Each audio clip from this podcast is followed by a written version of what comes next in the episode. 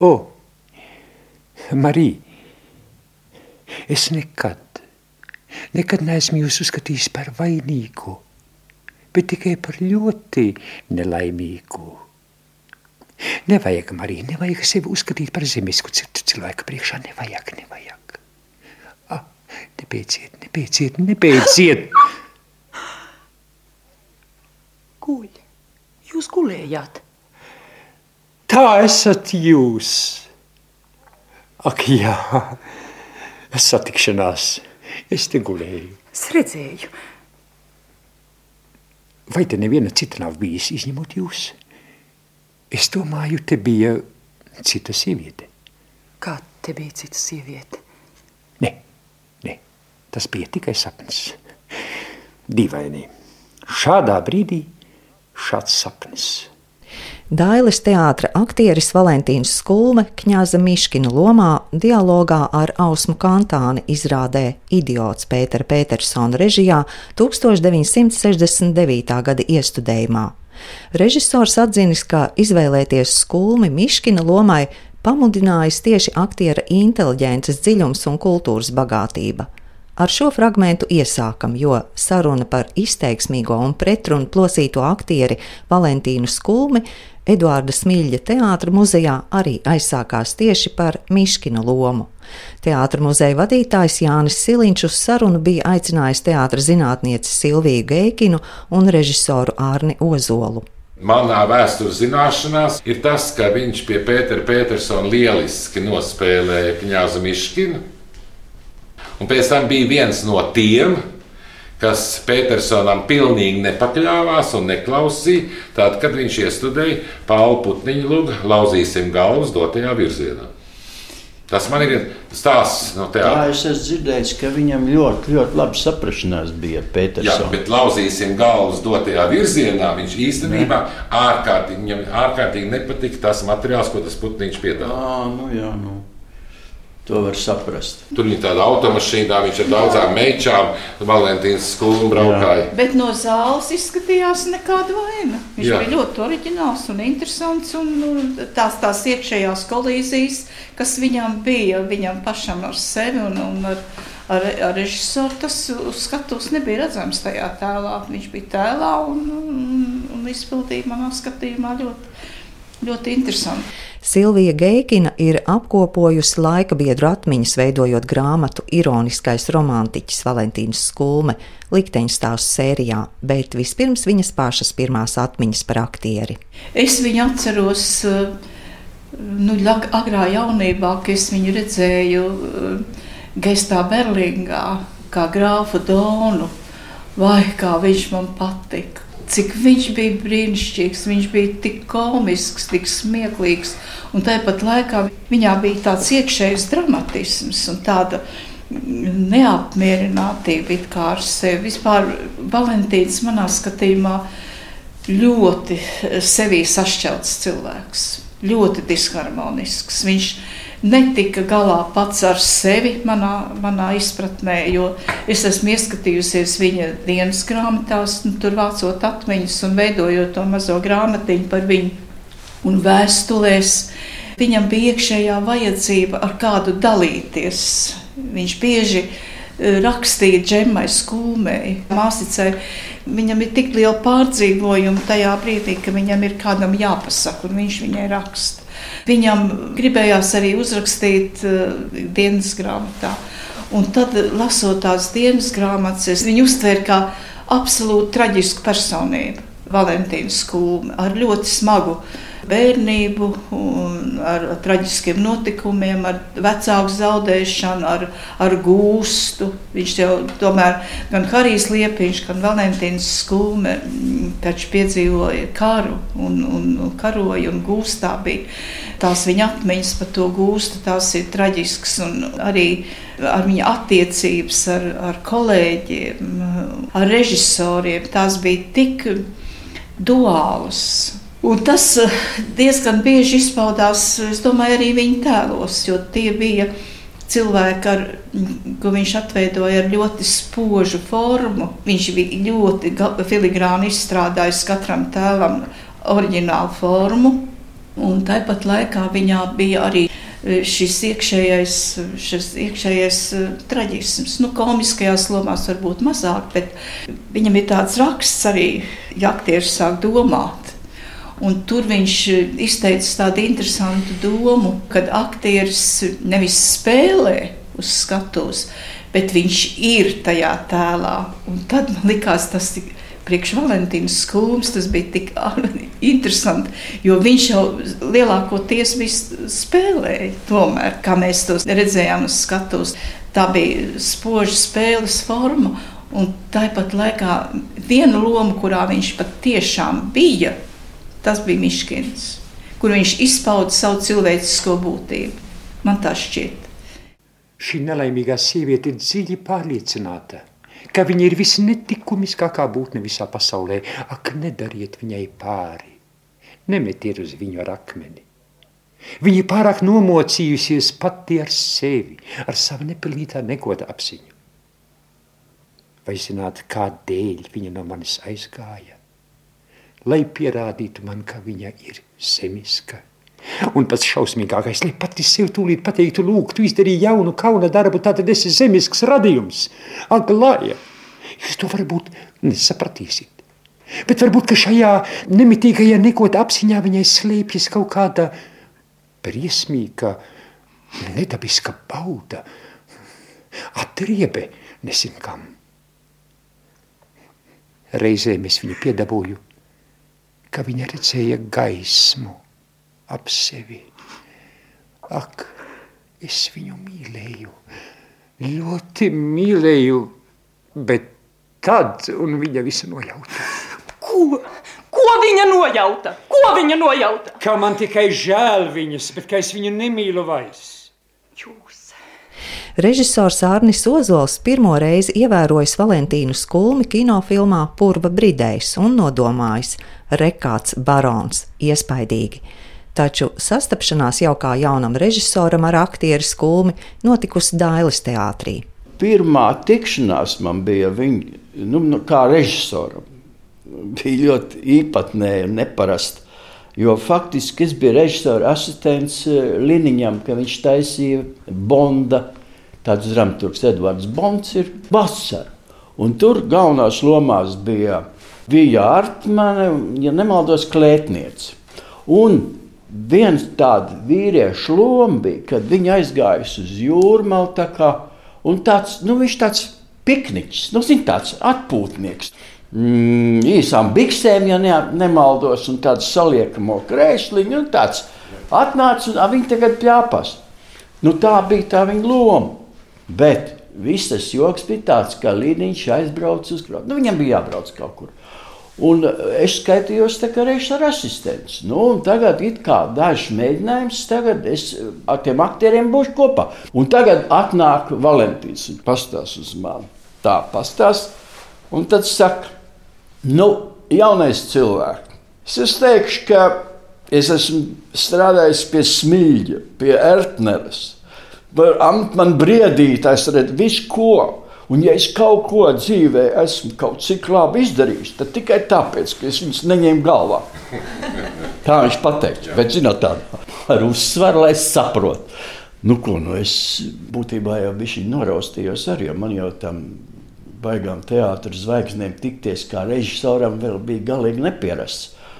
Un tad mēs nonācām zālē lielajā. Nu, jau tāda ar to dekorāciju un tāds krēsliņš viņam un visur. Un viņš tagad spēlē. Nu, tas dialogs ar Artmanu. Nospēlēt to dialogu. Šiem skatās uz, nu, uz manis režisoru. Es saku, hm, paldies. Ja, paldies. Labi, labi, ja, paldies. Labi, tas tā vienreiz. Nu, tagad atkal kaut kāds mēģinājums. Nākošais, nu, dažas dienas tas bija. Atkal tas skats. Beidzās tas skats. Šie pagriežās pret mani. Es saku, skaidrs, jā, mm, labi. Artmanē kaut ko saka, nu, varbūt jūs tur pasēdieties drusciņi pa kreisi. Valentīns tas skatās, un pienāca tas mirklis, ka viņš pagriezās pret mani saka, nu vai tad es neko nevaru viņam pateikt? Kā viņam, nu tad es tā viegli viņam kaut ko pateicu. Es vienkārši atceros to pārēju, ja no tā lietas man ir. Līdz tam es tomēr gribu dzirdēt, ko tu par to visu domā. Man tā privāti tā bija mm, pirmā saskara ar viņu, bet vēlāk, vēlāk kaut kā es pārvarēju laikam visus savus kompleksus attiecībā uz to, ka Valentīns var sadot.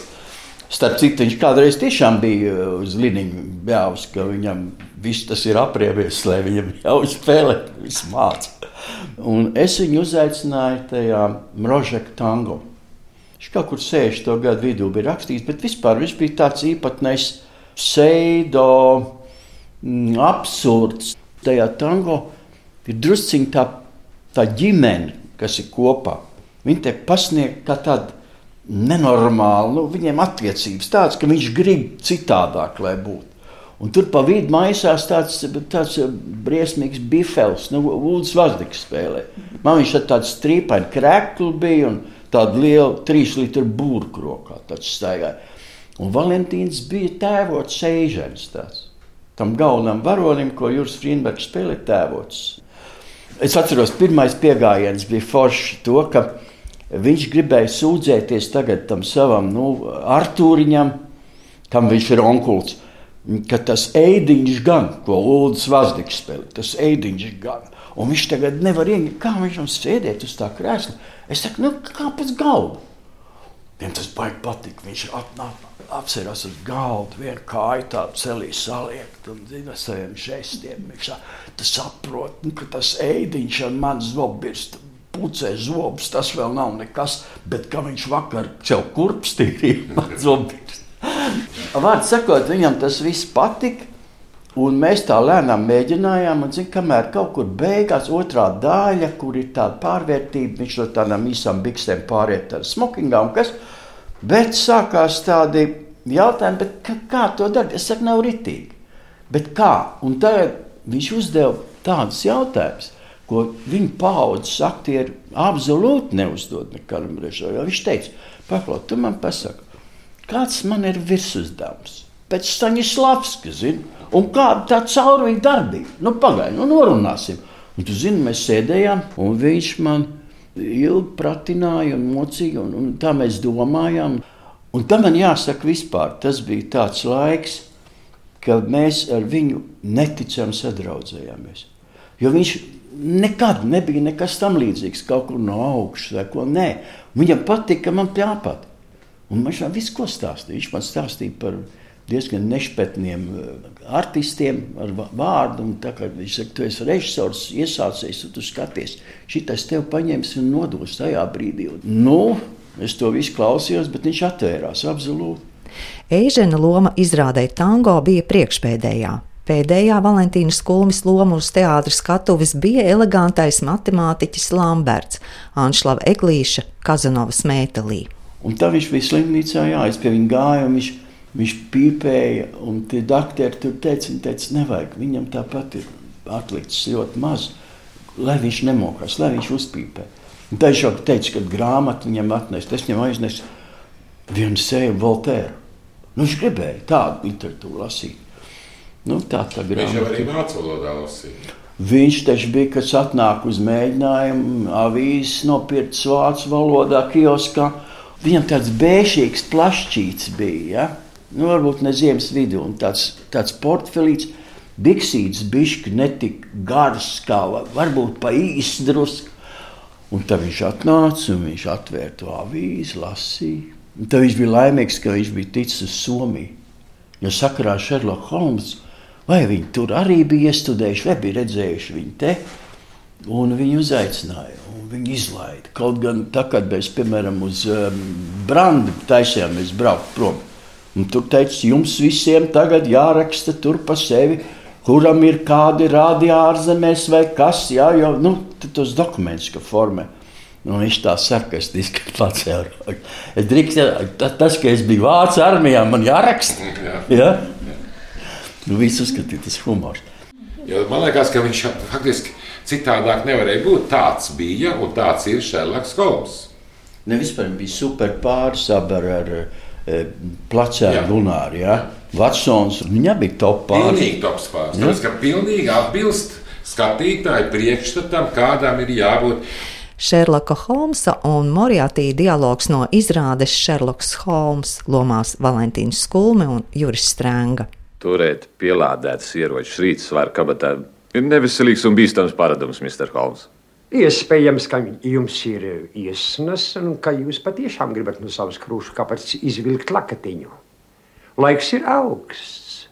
Bet, ja tas būtu kaut kas cits, tad man jums jāatgādina, ka morgā ir vēl augstāk. Jūs tomēr man tā īsti nepazīstat, Mr. Holmes. Citādi, Citādi manā rīta svārku kabatā patiešām nebūtu revolveris. Varat apsēsties. Jūsu rīcībā ir piecas minūtes. Sakiet, kas jums sakāms, profesor, ko jūs gribat darīt? tikai paraudzīties pulkstenī. Ak, nepūlieties, kad jūsu piecas minūtes būs pagājušas, es jums to pateikšu. E, Lūk, tā. Tagad es savu revolveri varu pat nolikt uz galda. Vai jūsu nodoms turpināt cīņu ar mani līdz pašam galam ir negrozāms, Mr. Holmes? Es zinu jūsu nodomus, jūs mani, jūs, bet jūs mani. Tā īsti nepazīstat, profesor. Citādi jūs saprastu, ka tas ir negrozāms. I'm sorry, very sorry. Un žēl man nevis sevis, bet jūs, Holmes. Ah, ko nu par mani? Sarunās atklājas Valentīnas Kulmis daudzie talanti. Viņš vēlējies arī gleznot, kaut ko veidot, rakstīt.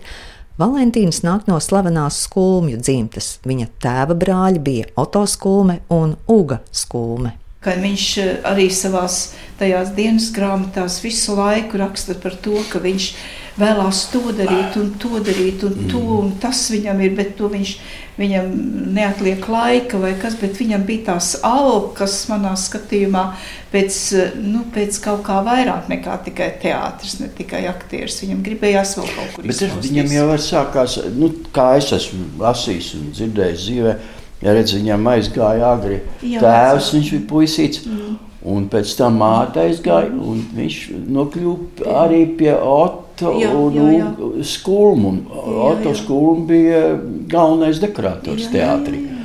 Līdz ar to viņš Dailas teātrī bija redzējis visu, ko vien varēja redzēt. Kā man Džeims Kungs stāstīja, ka Valentīns bija ļoti apdāvināts mākslās.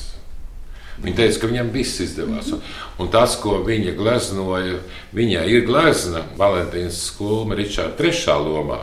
Jā, jā no Džeimsa stilā. Nu, tā ir pasakaini. Jā, es nezinu, nu, nav man viņa te dabūnama oriģinālā. Jā. Viņa pasakaini, jo viņa kaut kā mācīja, ka viņai tajā gleznā viņš arī ir strukturēts tajā bildē.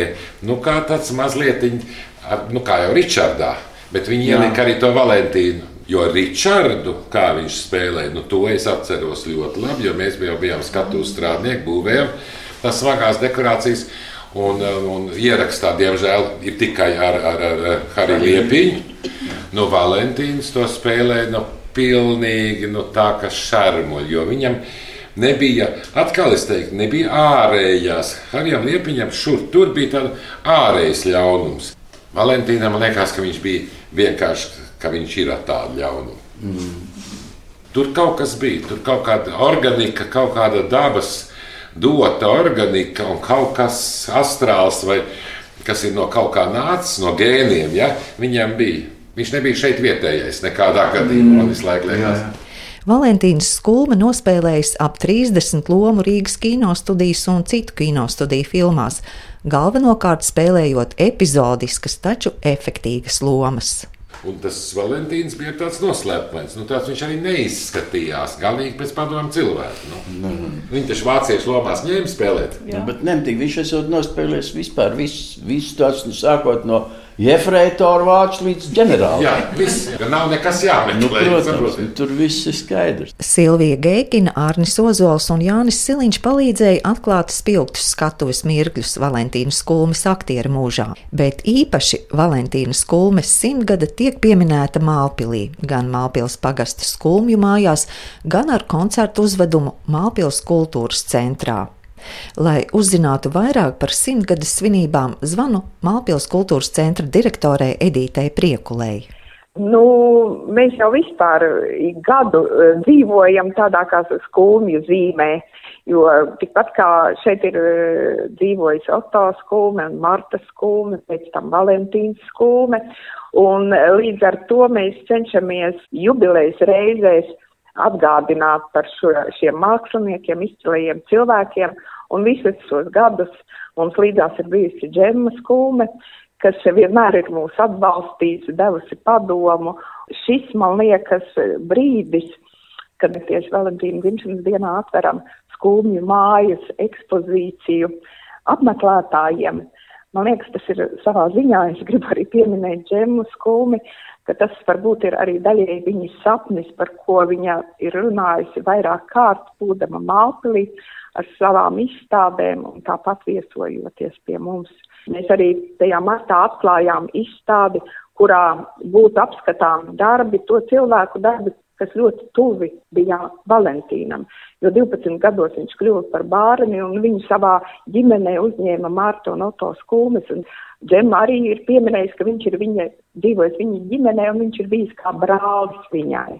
Un tāpēc mēs atklājām Oto darbu izstādi, Džemas darbu izstādi un Martas junioru darbu izstādi. Edīta Priekula min, ka jau pirms desmit gadiem nolēmuši uz Valentīnas skulmes simtgadi radīt lielāku uzvedumu. Nu, tas tapis. Kur iesaistītos mūsu amatieru teātris, bet ar, ar mērķi arī piesaistīt profesionālus māksliniekus. Dēls teātra bijušajiem aktieriem Katrīnai Pasternakai un, un Jurim Kalniņam, kuri lasīs vēstules adresētās Valentīnam Skulbem un vēstules, kuras viņš ir rakstījis citiem.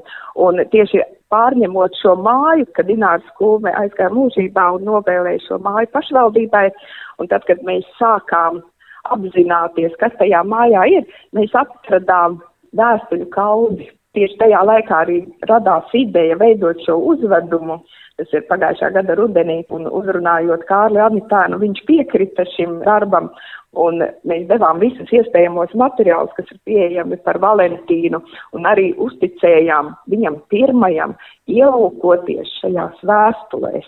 Un tad, kad viņš ar visu bija iepazinies, izkristalizējās tāda doma un, un šķautne parādīt Valentīnu tajās simts vēstulēs, atklāt varbūt pavisam citu Valentīnu, ne tādu, kā mēs pazīstam no viņa kino lomām, teātra lomām, bet eh, aktiera iekšējo pārdzīvojumu krāsu paleti. Pats Valentīns ir bijis ļoti daudz šķautnājums, jo viņš ir dzīvojis un atradies ļoti dažādu mākslinieku sabiedrībā, un viņš kā personība bijis gan mūziķis, gan, gan gleznotāja vidē dzīvojis, un tāpēc arī šis uzvedums ir veidots caur mūziku, kas viņam bija ļoti tuva, caur gleznām un mākslas darbiem, kuras ir veidojis speciāls šim uzvedumam Anitra Bērziņa, caur mūziku, režisors uzticēja šo uzdevumu pianistiem Roksanai Tarvidei un Kasparam Blumbišam, un, protams, dejotājiem Egijā Barovičai un Reinim Rešetinam. Un tādu visīpašāko lomu, man liekas, režisors Kārlis Antāns ir uzticējis Rīgas pantomīmas māksliniekam Andrim Apinim un gaisa māksliniekam Oskaram Pauliņam, kas radīs uz skatuves tiešām tādu Valentīna auru, jo viņš būs klātesošs. Koncertu uzvedums Valentīnas skulmes simt vēstulēs gaidīs apmeklētājus šodien un rīt Mālpils kultūras centrā. Savukārt pirms izrādes iespēja apskatīt izstādi, kurā Valentīnas skulme mākslinieku gleznās. Arī dažādu izrāžu rekvizīti un tērpi, arī informācija par aktiera daļradi un dzīvi.